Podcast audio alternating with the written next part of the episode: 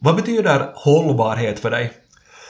Hållbarhet? No, här, här finns ju olika sorters hållbarhet. Det finns ekonomisk hållbarhet, att man ska klart hålla på med det här resten av livet och kanske nästa generation. Och så finns ju det här ekologiska eller klimatets hållbarhet och det har ju att göra med att jag ska gå till fortsätta i, i resten av livet och nästa generation med det här vi håller på med, ifall det vill fortsätta.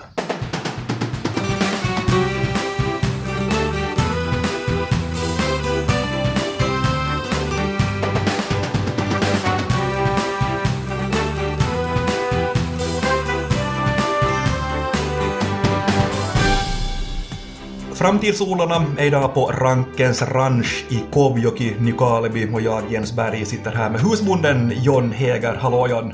Ja, no, hej. Roligt att få komma och besöka dig och det här, det här har jag skrivit ner John så här att er gård här, så där slår mjölkproduktionen rekord på rekord. Och det är en gård som även försöker kombinera den här höga produktionen med att, med att binda allt mera kol. Och hur det här går ihop, just det som du sa här i inledningen, det ekonomiska och ekologiska i hållbarhetsväg på en och samma gång, det ska vi snacka om idag. Hur, hur tycker du att den här introduktionen låter? Låter det okej? Okay? Ja, nog låter helt okej okay, Om jag har något vettigt att komma med får vi ju se. ja, men du har säkert. Jag är osäker vad jag har, men vi, vi, vi, vi kör. Först tänkte jag John att du får presentera dig för, för lyssnarna. Vem är, vem är John Heger? Jag är, jag är just fyllt 40 och från Nykabikovjoki. Uppväxt jag på gården. Har tre små barn, 25 och 3. Och är väl så att säga hossbond på det här Rankens ranch nu. Mm. När bestämde du dig för att, att du blir den nya husbonden här? Var det klart liksom hela tiden från no, att du var liten? Inte har jag ju något minne av att jag skulle vilja vara något annat heller direkt inte. Nej. Har jag varit och provat att köra lite skogsmaskin emellanåt bara för att jag slipper hem, hemifrån. Så det, de har just hade fyllt 20 år. Äh. Således, men har alltjämt varit det här som har lockat. Mm. Vad tycker du att är roligast med ditt jobb? Ja, vad är roligast? Eh, nå, no, är ju... Det är roligt att köra maskiner och det är roligt att se hur det fungerar och det är roligt att få färdigt fast det kan vara stressigt tänk på vad, allt vad man ska göra för en. Nu är det frihet till få... Man är ju nog bonde ja, men man är ju fri till fara om man måste mm. fara någonstans. Mm. man får ställa lite som, som man vill. Nu finns det mycket roligt, det finns mycket som är tungt men det finns mycket som är roligt. Men vad är, vad är, vad är tungt då? Om jag vänder på, på frågan, när tänker du sådär att nej men tusan? Nå, det är nog tungt om jag börjar man får några sjuka kor och mitt i gräskörd eller någonting som man skulle inte ha tid med och så sover man dåligt med barn som är vaken på nätterna och allting tycks komma på samma gång. Så då... Ja, det tenderar att vara sådär. Anhopning. Ja. Men, men John, långa traditioner har ni, har ni här på, på gården. Vad betyder det för dig? Att om jag, om jag läst på rätt så, så har den här släktgården anor till 1500-talet ungefär. Ja, det har det. Och no, inte tänker man ju på det dagligen att det skulle vara så gammalt, men det är klart inte skulle man ju vilja vara han som lägger ner en. Nej, jag förstår det. Så. Du, du är den fjortonde husbonden ja, jag är väl här nu. Det är ganska coolt. No, no, är ju ganska många som har hållit på förr. Och, och sen måste jag ju ställa den här, den här givna frågan om, om ranken. Alltså Rankens ranch heter, heter det här. Är, är ranken ett namn? Eller vad är det? Rank är ett namn. Ja. Som kommer från 1500-talet så var det två hejman, Rank och Lassila. Och det hör väl till vårt stam, stamhejman. Men vi har mycket och Lassila nå. Och det var nog bortgärd mellan de rankens men då vi gjorde sammanslutningen då så lämnade vi in olika namnförslag. Och vi hade Rankens gårdsbruk eller vad vi hade som första och så det ena då så hade vi som tredje förslag Rankens ranch bara så det är på skoj. Mm. Och så var ju det som blev godkänt. Ja. Så då, då lämnade jag på. Det är nog helt okej namn. Jag tycker det. Det är ganska, det är ganska bra. Det är sådär språkligt ganska bra också. Rankens ranch. Ja. Det låter ganska coolt. Men vad, vad finns här? Innan vi går in på de här, på de här stora frågorna som jag, som jag målade upp här i, i början så, så berätta om, om, om Rankens ranch. Vad har ni, vad har ni allt här? Nå, vi har två mjölkrobotar och 40-150 mjölkkor som eh, producerar då en 1,8 miljoner liter mjölk, eller kilo mjölk. Och så har vi ungdjur, kvigor, föder vi upp själv. Och så har vi dessutom några biffkor, så det är på hobbysidan. Som är av, eh, eller de håller på att bli av rasen Wagua. Mhm. Från den japanska lyxrasen. Okej. Men, och det är korsning då från de som har... Om man inte vill avla vidare på en mjölkko så lägger man ofta en biffras på dem för att man vill ha kvar själva kon men inte ha, avla vidare på den. Och så hade jag en hel del biffkvigor som blir uppfödd bara till slakt sådär i vanliga fall och så såg jag på Facebook om om just i Sverige någon som hade fått tag i det här Vagua-sperma via Viking Genetics. Så då tog jag och kolla här med Fabba också som är samarbetar med vi, eller som är samma Mm. i Finland så och så fick de ju tag i det här Vagua-rasen så då seminerade jag fyra biff, angoskvigor med det och så har det blivit på det viset och så i vintras så slaktade jag den första 50-procentiga vagostuten och, och sålde halva till restaurang då och tog andra halvan själv. Nu, hur var det? Det var nog speciellt. Ja, Nog var det. hej. jag kan tro det. Han var nog grönt marmorerad och fet. Och, Ja. och jag fick nog positivt från den där restaurangägaren sa nog att det var det bästa inhemska nötköttet han hade Ja. lagat. Jag kan tro det. Och så det var nog faktiskt lite speciellt. Ja. Så hur många, vi talar om ungefär 300 djur totalt. Ja, två, mellan 290 och tr- 300. Mm. Och odlingsmarker här, hur, hur ser de ut? Eh, Då vi har 200 hektar åker. Nästa år 230. Okej. Och hur fördelar sig spannmål och vall på de här? Det blir ungefär hälften hälften. Okej. Yes. Och skog också? 140 hektar skog har Mm. ungefär.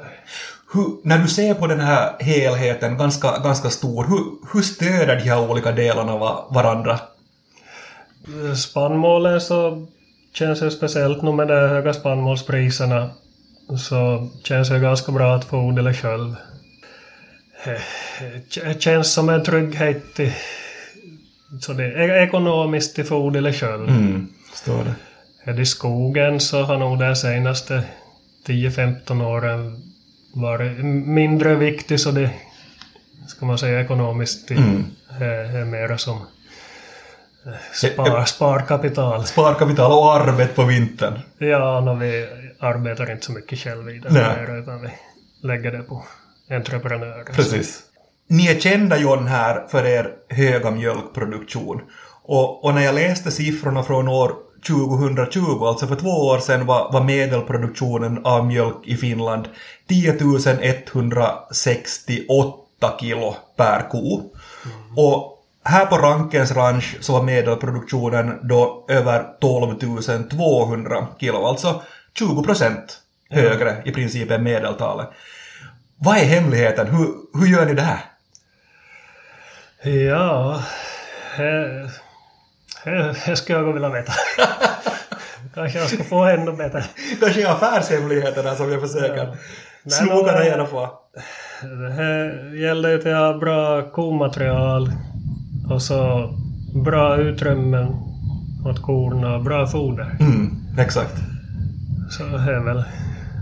Om man får det sen då så är det en annan sak. Men Vi sitter, vi sitter i, ert, i er nya ladugård som, som byggdes här för en, för en 7-8 år sedan och jag ser här, här finns ganska mycket diplom som, som hänger och, och här finns 100 tonnare diplom, åtminstone tre stycken, så ser jag här när jag, när jag tittar upp på, på väggen. Förklara John för mig, vad är en hundratonnare? En hundratonnare är en ko som har mjölkat över hundratusen kilo mjölk. Och tre stycken diplom ser jag, ser Vi jag här. har väl tolv stycken. Tolv stycken. Det är ganska mycket egentligen. Det är nog ganska mycket har jag förstått. Men är det en sån där, en sån där milstolpe att om man, om man får en hundratonnare så då är det på riktigt en ko som har producerat jätte, jättebra under förstås då en jättelång tid. Nå, nog är väl så nog, ja. Det är ju nog fler, ganska många som inte har haft hundratonnare också. De måste, måste vara ganska bra. Mm. Du var inne här på, på några av de här, de här faktorerna. Jag tänkte vi skulle, vi skulle dyka in i, i fodrets betydelse. Alltså om vi börjar med, med grovfoder. Ja. som är, som är då höhalm, ensilage. Och, och det här vet jag att, att ni jobbar jättemycket här för att få en hög kvalitet på, på grovfodret. ja. Hur, hur gör du det? Ja, jag försöker ju... Jag börjar med insådden. Försöker ha en fröblandning som ska vara mjölkdrivande. Med största delen är timotej. Och så har vi med blandat då olika klöver och ängsvingel. Mm. Men är nog egentligen timotein som jag tror de mjölkar mest av. Ja. Och så gäller det till få det rätt gödslat då för att få proteinet upp på Mm. mängden och så skördetidpunkten är ganska viktig. Mm. Men hur mycket experimenterar du med olika fröblandningar sen och sätter olika proportioner av de olika delarna i det för att säga att okej, att nu blev det här optimalt? Nå, det har nog blivit mindre experimenterande nu- för tiden. Sen man har hittat något som fungerar. Ja. Så jag kör nog ganska nog sa- samma som lite som det är klöversorter och ängsvingelsorter kan jag prova att byta. Men timotej tycker jag hittar ganska bra timotejsort som Mm. fungerar så inte Före det kommer något nytt som de skryter på så byter jag inte. Mm. Men gör du kontinuerliga prover sen av grovfoder också och kollar hur det, hur det är eller hur? Ja, nog var det som ensilage var nog testa Ja. ganska så det flera, flera gånger per vinter. Mm. Att se vad man har. Men om jag har förstått saken rätt då, så när vi kommer in ännu på, på det ekonomiska och samtidigt också ekologiska, så, så du har lyckats med det här förhållandet mellan grovfodret då, höhalm, ensilage, och sen det som är då kraftfoder. Och, och att du har lyckats med den där, med förhållande mellan det, att du behöver inte lika mycket av det här kraftfodret i och med att du har ett så pass bra grovfoder. Nå, vi försöker ju hålla ner kraftfoderkostnaden med att ha bra grovfoder. Nu använder vi ju med ändå men största delen av kraftfoder är ju egen producerad spannmål. Mm. Och jag använder inhemska proteinmedel så långt som möjligt. Bäst är ju om man får det mesta proteinet genom gräset. Ja. Men då kommer vi in på, på det här med, med det ekonomiskt hållbara i, i, i hela er produktion. Ni har en ganska effektiv mjölkning om jag förstått också. Två mjölkrobotar sa du, sa Ja. att ni har.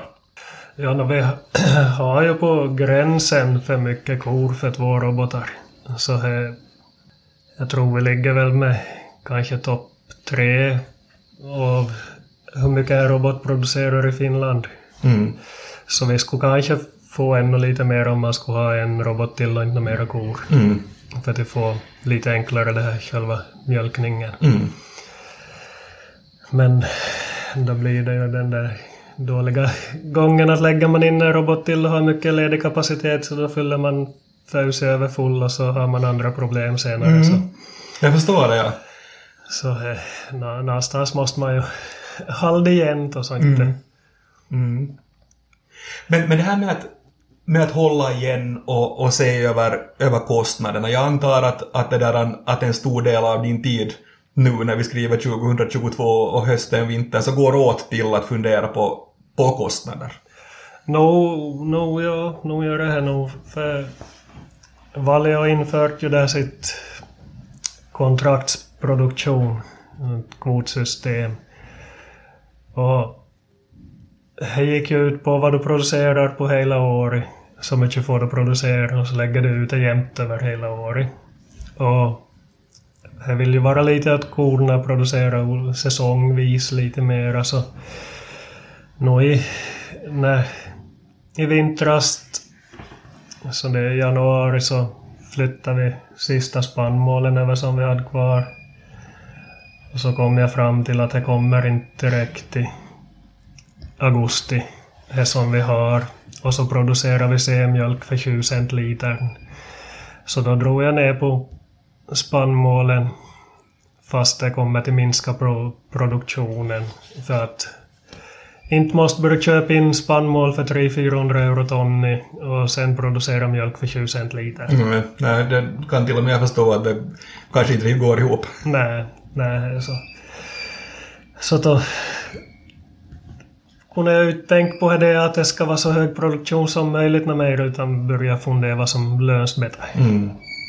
Så det, det är det man måste tänka igenom lite hela tiden. Mm. Om du ser på, på hela kostnadsbiten nu med, med gödselpriser, med, med elpriserna, med, med bensin och, och diesel. Vilket av det här som bekymrar dig mest när du sitter och gör dina Excel-tabeller? No, no, är väl gödselpriserna nu som... Jag klar, nu märks det mycket av det bränslepriserna och... Men det är inte lika stora utgift på en gång och det sprids ut mer. Ja. Gödseln så... jag köpt, eller beställt nu. Men jag, jag har inte kommit någon ännu så jag har inte börjat betala någon ännu men det, Men när, när beställde du? Jag beställde här andra varvet de öppnade och så var jag slut på några timmar men jag har ringt från Hanke och sa att nu har de öppnat så. Då, då beställde jag, jag tog lite mindre än i fjol.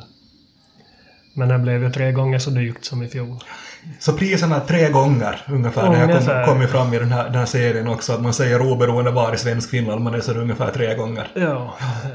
Ja. Men elpriserna då, är det någonting som, som direkt påverkar, påverkar dig här?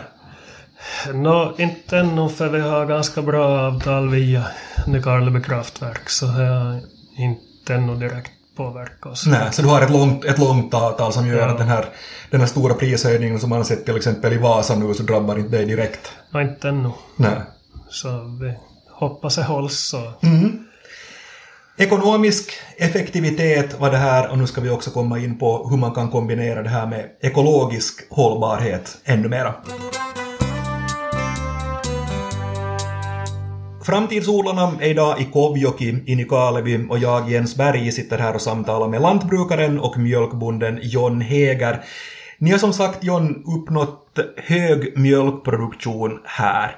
Men vad skulle du säga, hur bra går det att kombinera med ett ekologiskt hållbart jordbruk? Nå, vad jag har förstått så...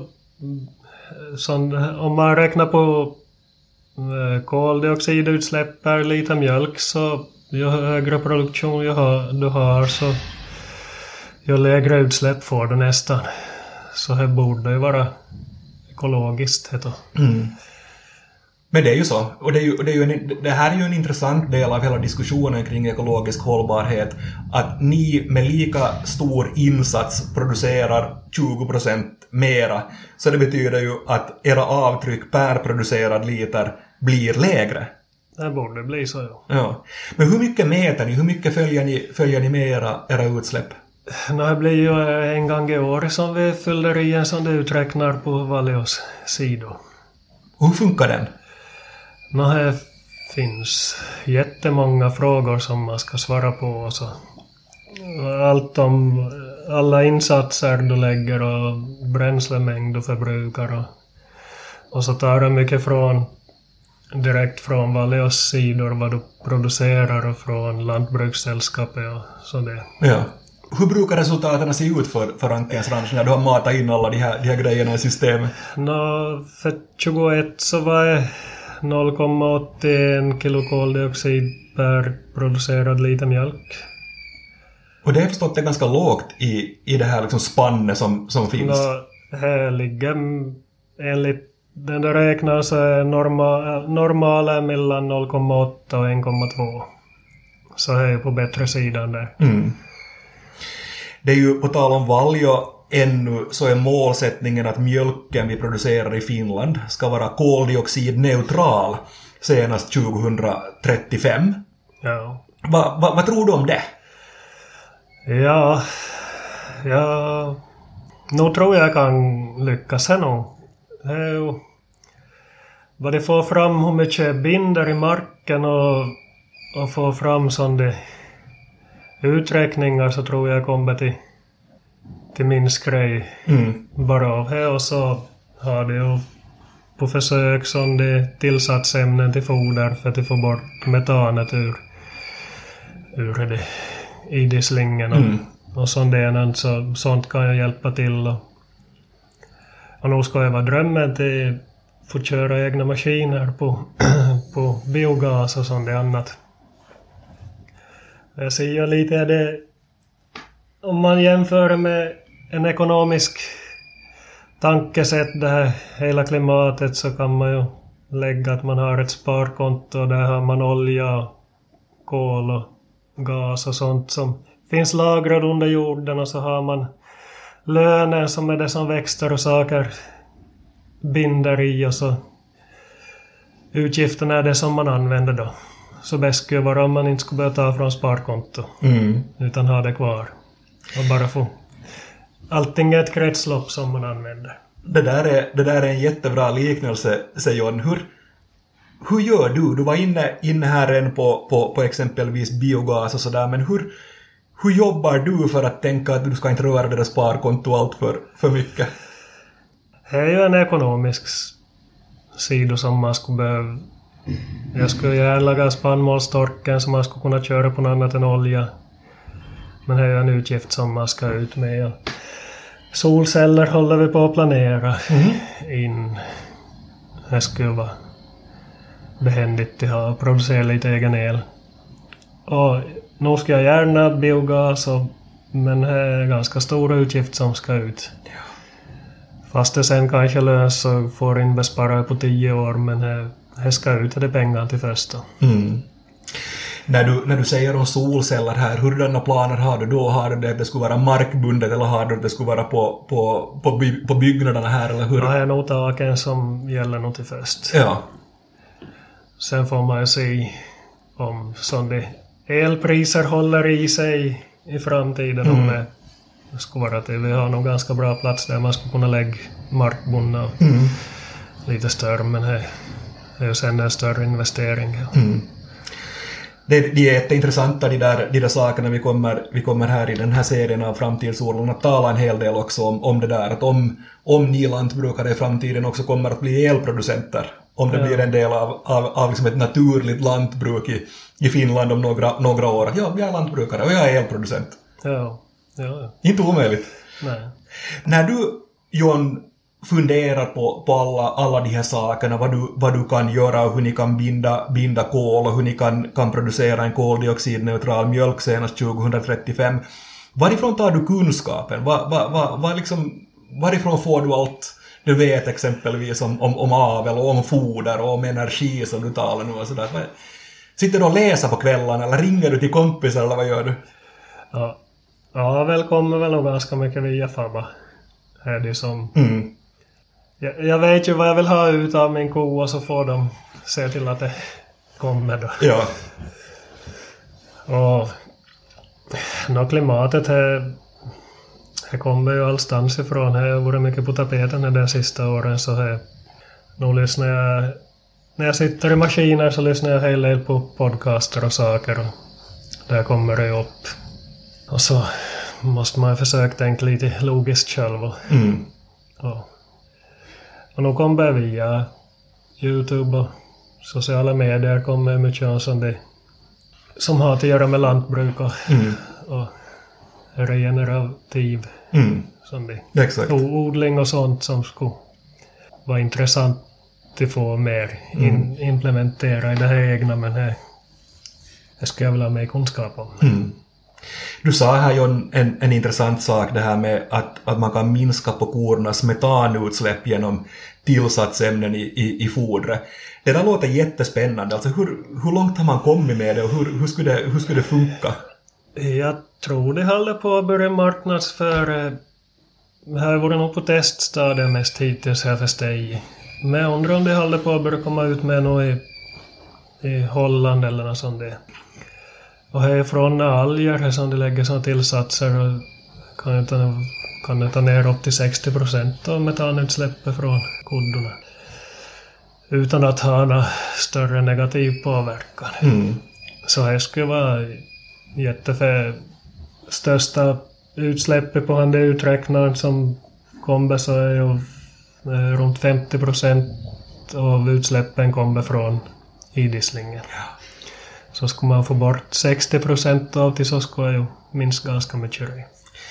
Så det betyder att den här målsättningen egentligen med den koldioxidneutrala mjölken 2035 så är inte helt orealistisk. Alltså att om man, om man ser på forskningen nu och det du, det du berättar om så, så tar den jätte, jättestora kliv framåt hela tiden. Ja, nog kan man göra det och sen om man får bort eh, fossila, fossila ämnen ur det här lantbruket och som kan, om det finns ju för tillfället finns det väl bara en traktor som går på biogas och det är ju som inte så stort utbud om man skulle bort från diesel eller Nej. brännolja. Men det kan ju vara annorlunda i tio år. Mm. Så nog finns det förhoppningar men är, det är ju allt. Det är ju byggnader, betong, allting är ju på minussidan. Mm, ja. ja, det kommer in i räknande också att, att om byggnaden är gjord av, av betong till exempel så kommer det in på... Jag är inte säker var med Nej. men Men i i, princip. i princip så är det ju Mm. allting. Ja. Men du, du var inne, inne John på, på det här att du funderar på, på biogas och, och, och solel, solel är på, är på gång här också. Vilka andra saker går du omkring och, och funderar på när du har en lite lugnare, lugnare dag här på, på Rankens ranch och så går du sådär och spånar på att hur skulle det kunna, kunna se ut här i, i framtiden? Men nu är jag mycket på det här markanvändningen och det skulle vara intressant att prova mera direktsådning och, och sånt där. Jag funderar på olika effektiva maskiner och saker hur man skulle kunna effektivera och, sånt där. Mm. Det är ju ganska populärt också i, i, i Svenskfinland med, med olika maskinsamarbeten med andra jordbrukare i, i närheten och sådär. Jobbar du, jobbar du på det sättet eller jobbar ni på det sättet också att ni delar på maskiner med, med kollegor och grannar här?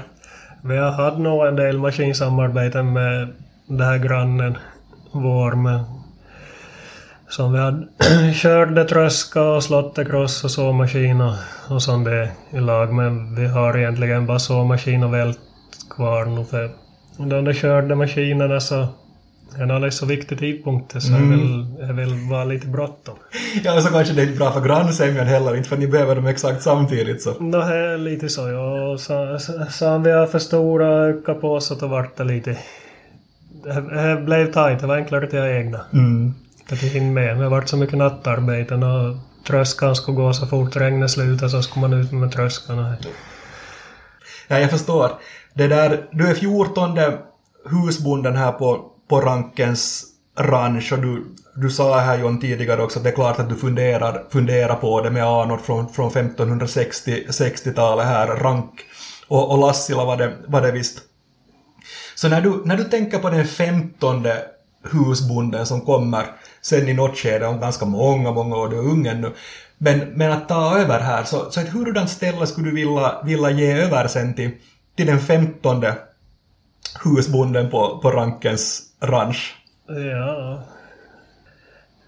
Nu ska jag väl att det skulle vara ett helt fungerande fräscht fräschi ställe bara till fortsätta på. Inte något nedfallet, nedgånget ställe. Sen är det så svårt att veta hur jag ser ut med lantbruket om 20 år. Mm. Om det, om det finns mjölkproduktion kvar eller om vad som, vad som händer. Det är svårt att veta. Om det finns intresse av nästa generation. Hittills ser det ut att vara, men det kan ju ändra här på 20 år. Hur, tror du, hur tror du att balansen har ändrat mellan, mellan det ni har här och, och sådär? Tror du att det har ändrat på, på något sätt? Nå, står ju djuren för nästan 100 procent av allting och det, Det är ju svårt att veta vad, vad som händer, vad, vart utvecklingen tar vägen. Mm, så är det. Lönar sig bättre att producera el än till producera mjölk så då kan det hända det som hän- hände sånt. Mm. Och så är det ju intressant med den här klimatuppvärmningen och vad som blir det varmare som det spår så kan det hända vi får odelssoja och majsjär och ett 20 år. Så man vet ju inte alls vad som händer. Nej, och det är det som är det så spännande med, med det här. Tusen tack John Hege för att jag fick besöka dig här idag. Ja, tack själv. Och jag är tillbaka om två veckor igen med en ny framtidsodlare. Ett nytt ämne på ett annat ställe i svensk Finland. Vi hörs då. Tack för att du lyssnade. Mitt namn är Jens Berg.